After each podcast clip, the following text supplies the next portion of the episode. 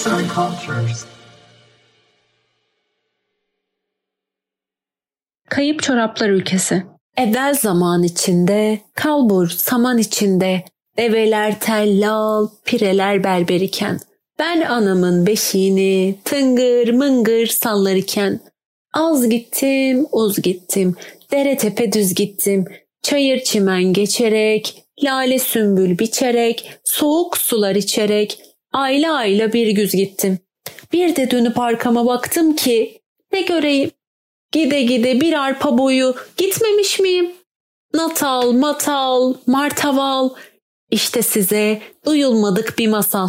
Bundan birkaç zaman önce bilinmeyen bir ülkenin, bilinmeyen bir şehrinde bir çocuk yaşarmış.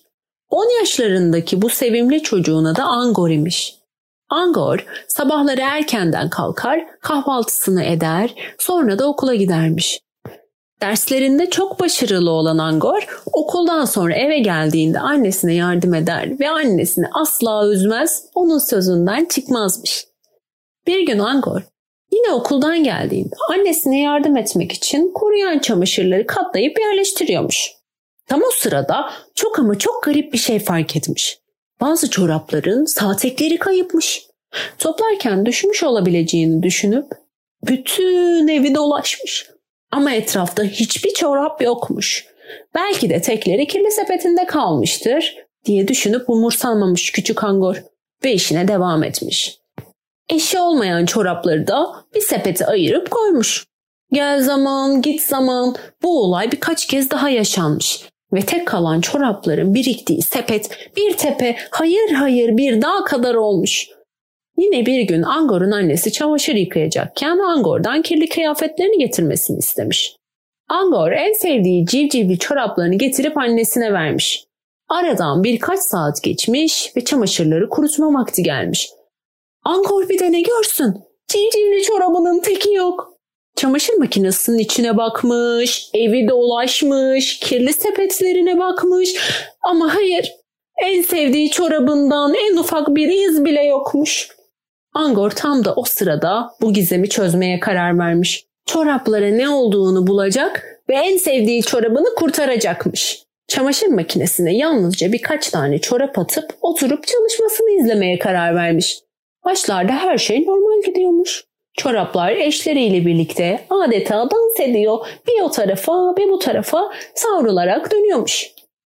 Sonra birden her yer köpük olmuş ve Angor çorapları gözden kaybetmiş. Çamaşır makinesi çorapları köpükleyip sonra o köpükleri su ile dağıtınca Angor ne görsün? Çorapların eşleri yine kayıp. Ne oluyorsa tam da burada oluyor diye düşünüp çamaşır makinesinin içine bakmaya karar vermiş. Orayı incelerken ufak bir gizli geçit bulmuş ve işte belki de beni çoraplarıma götürecek olan yol burasıdır. Sizi kurtaracağım çoraplarım diyerek o geçitten geçmiş.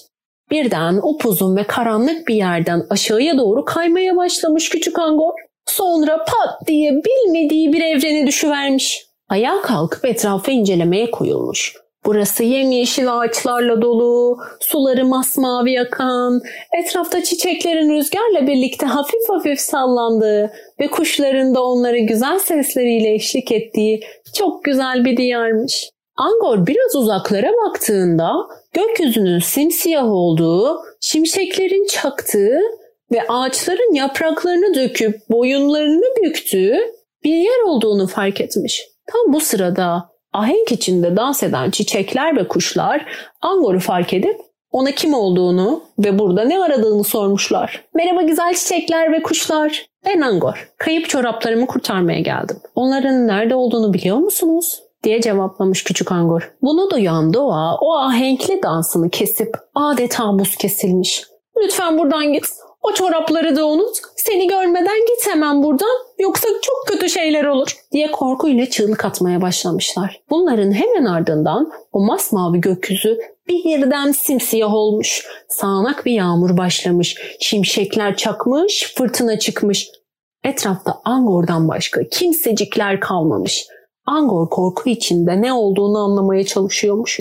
Tüm bunlar olurken bir ayak sesi duymaya başlamış Angor. Pat pat pat. Ses yaklaşıyormuş.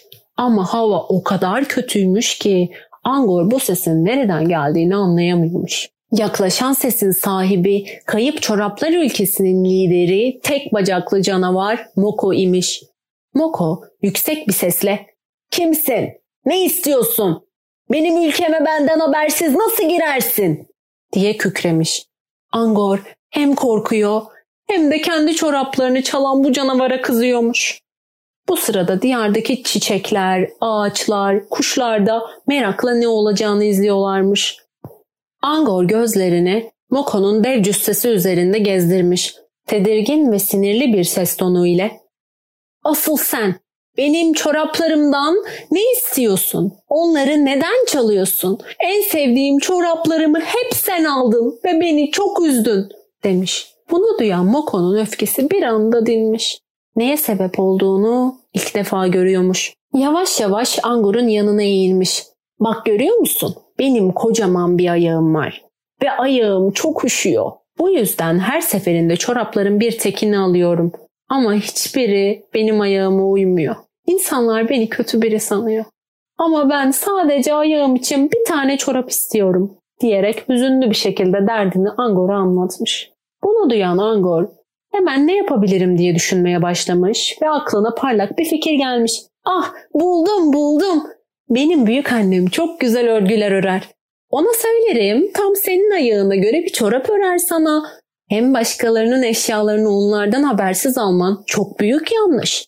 Sen de bir daha böyle şeyler yapmazsın demiş. Bunu duyan Moko'nun sevinçten gözleri büyümüş. İlk defa birisi ondan korkup kaçmıyor, hatta ona yardım ediyormuş. Diyardaki çiçekler, ağaçlar ve kuşlar da sevinç içindeymiş artık.